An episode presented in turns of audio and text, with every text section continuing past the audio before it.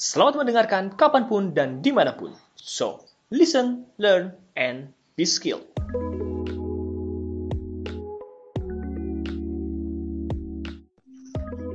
Oke, perkenalkan namaku Koko yang hari ini bakal jadi host di series podcast kali ini. Dan sesi kita kali ini kita bakal membahas finding balance in career and family life. Wow. Dan hari ini kita udah kedatangan tamu spesial yaitu Mbak Tania Reymina. Uh, keren banget nih. Nah, Mbak Tania. Halo Koko. Halo Mbak Tania. Mbak Tania ini merupakan sosok yang menginspiratif. So, selain menjadi seorang mompreneur, ia juga menjadi seorang sosiopreneur. Langsung aja. Apa kabar Mbak Tania? Baik, Alhamdulillah. Koko apa kabar? Alhamdulillah. Baik, harus tetap menjaga kondisi di tengah kondisi yang kayak gini ya apa pun kondisinya harus sehat nggak sih? Kalau sekarang makin harus um, ya Iya. dipastikan semakin konsisten. Iya, sekarang karena kayak sakit sedikit aja udah nggak boleh keluar rumah ya. Jadi parno orang-orang kalau sakit sedikit demam sedikit nggak boleh masuk mall. bener bener bener. Tapi jangan bikin kita juga jadi pesimis ya. Kita tetap harus tetap optimis kali ya. Tetap harus produktif tentunya ya. Mbak Tania ini kesibukannya apa sih Iya iya. Um, aku kesibukannya saat ini yang udah jadi hal utama udah pasti keluarga. Jadi aku adalah seorang ibu dari dua anak yang usianya dua-duanya toddler, jadi lima tahun dan tiga tahun sudah memasuki usia prasekolah. Kemudian kalau dari segi apa ya self aktualisasi, aku juga punya bisnis ada di kategori fashion uh, di bawah naungan PT Kals Corpora Indonesia kemudian ada kosmetik dan skincare dari Zam Cosmetics, sama satu lagi yang tadi disebut-sebut sociopreneur, walaupun aku juga sebetulnya belum merasa layak sih dibilang sebagai sociopreneur, tapi saat ini aku mengelola ruang rakyat bersama suamiku. Nah, untuk teman-teman jadi itu dia yang bakal kita bahas yaitu gimana caranya Mbak Tania membalancekan antara uh, family life dan finding balance-nya. Jadi uh, kita dapat info nih katanya Mbak Tania ini dulu pernah bekerja kurang lebih tujuh tahun di perusahaan besar. Akhirnya resign dan setelah punya anak pertama. Nah, kenapa tuh Mbak memilih resign ketika sudah punya karirnya sudah jelas gitu kan? Kenapa memilih resign? Iya, jadi memang ternyata dalam hidup itu kita bisa ngeplan gitu ya. Kan kita uh, biasanya tuh kita ada dua tipe orang nih, ada yang udahlah let it flow aja gitu ya, apa yang akan membawa hari esok, hari ini dan kemudian hari. Tapi um, aku itu termasuk orang yang lumayan nge-planning. Jadi misalnya mulai dari kuliah aku pengen kira-kira aku kerja di bidang apa.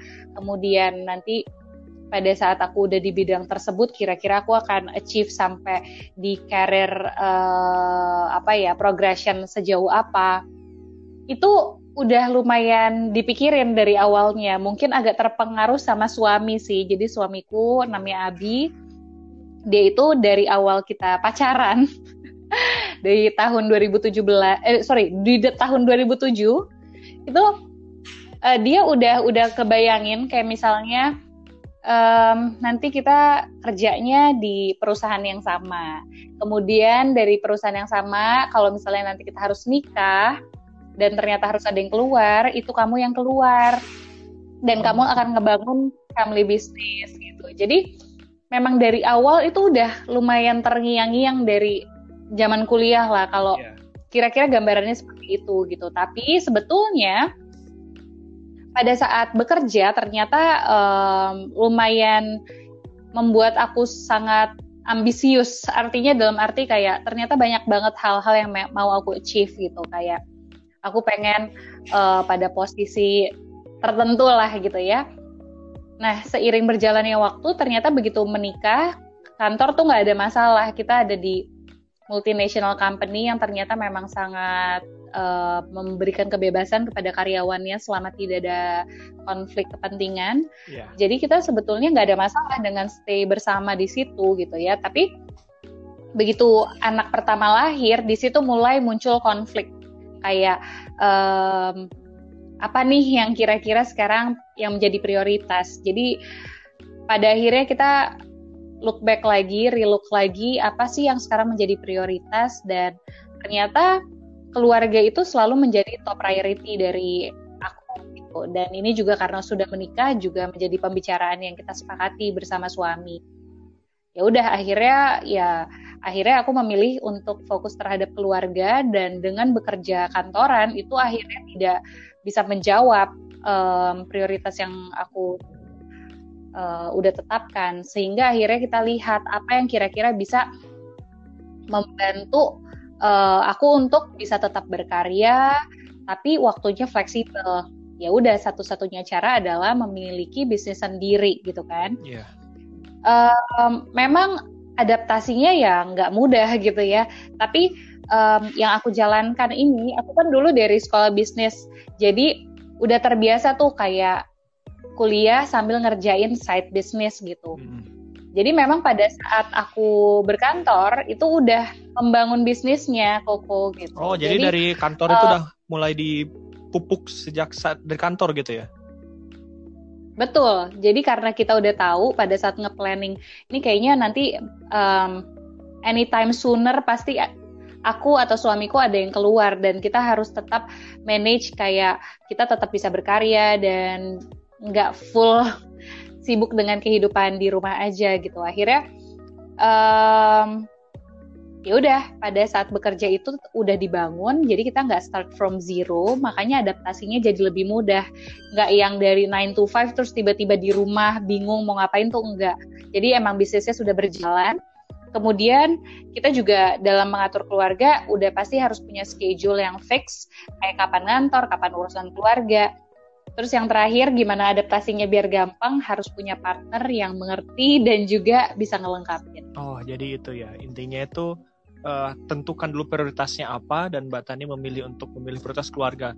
Dan yang pastinya itu harus ada partner yang bisa uh, mengimbangi hal itu ya buat buat membuat semuanya. Setuju setuju. Ya mudah dong bagi waktunya. Apalagi sekarang Mbak Tani udah punya dua anak yang lagi lucu-lucunya nih wah gila saya ngefans kayaknya sama anak-anaknya saking lucu-lucunya nah thank you loh. Tentunya itu per, gimana gimana? itu harus perlu ekstra perhatian kan ya. Apalagi lagi masa-masanya apa ya masa golden age gitu istilahnya ya. Nah gimana nih yeah. mbak Tania nge-manage waktunya yang tadi mbak bilang itu supaya balance antara work life dan family life? Gimana tuh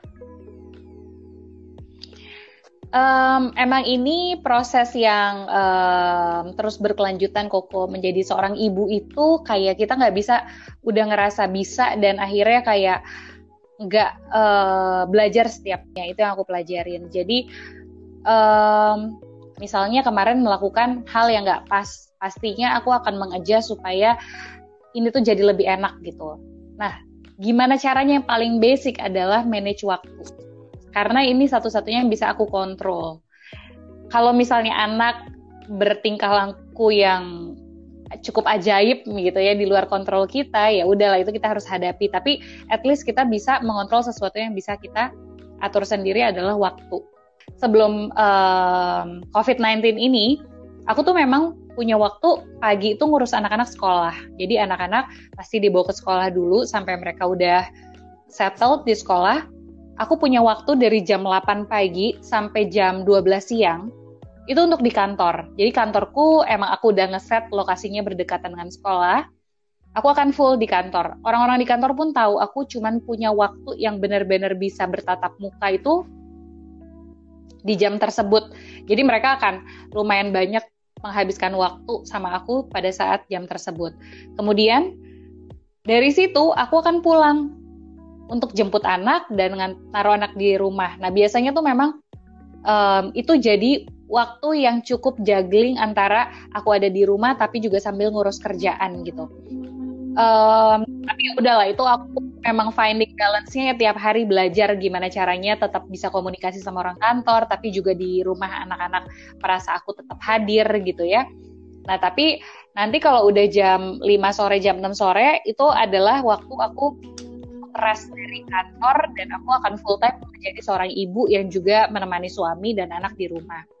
Itu waktu aku sebelum COVID, tapi pas sekarang COVID kan most of the time aku di rumah, jadi tidak ada waktu yang benar-benar full dikhususkan. Awalnya stres, kayak merasa ini harusnya nggak seperti ini, karena kita kan ada tanggung jawab juga buat ngurusin anak-anak di rumah, dampingin mereka belajar. Jadi waktu pagi, sekarang aku geser. Pagi itu mulai dari jam 8 pagi sampai jam 1 uh, eh, siang itu menjadi waktu dampingin anak-anak belajar. Kemudian aku istirahat jam 1 sampai jam 2. Kemudian kerjaan baru aku terima tuh dari jam 2 sampai jam 5 atau jam 6 sore. Dari situ uh, biasanya aku juga nggak bisa sendirian, aku pasti akan minta bantuan dari asisten rumah tanggaku di waktu aku memang harus full ngurusin kantor. Jadi anak-anak akan dibantu sama asisten untuk mereka main bareng gitu ya dari jam 2 sampai jam 5 atau jam 6 sore. Kemudian dari setelah aku selesai kantor udah most of the time aku akan hadir lagi bersama anak-anak dan suami gitu. At least kita merasa pada saat kita melakukannya kita feel good gitu. Kita merasa yeah. oke okay, I'm good enough ya udah. Kalau perasaannya udah seperti itu rasanya aku udah merasa sesuai on track lah gitu. Oke, jadi yang aku tangkap tuh kayaknya Mbak Tania tuh melakukan maksimal ke dalam hal dua-duanya, ke family maksimal, ke bisnisnya juga maksimal gitu ya. Jadi itu balance yang Mbak Tania maksud gitu ya. Kurang lebih gitu, mudah-mudahan bisa seperti itu.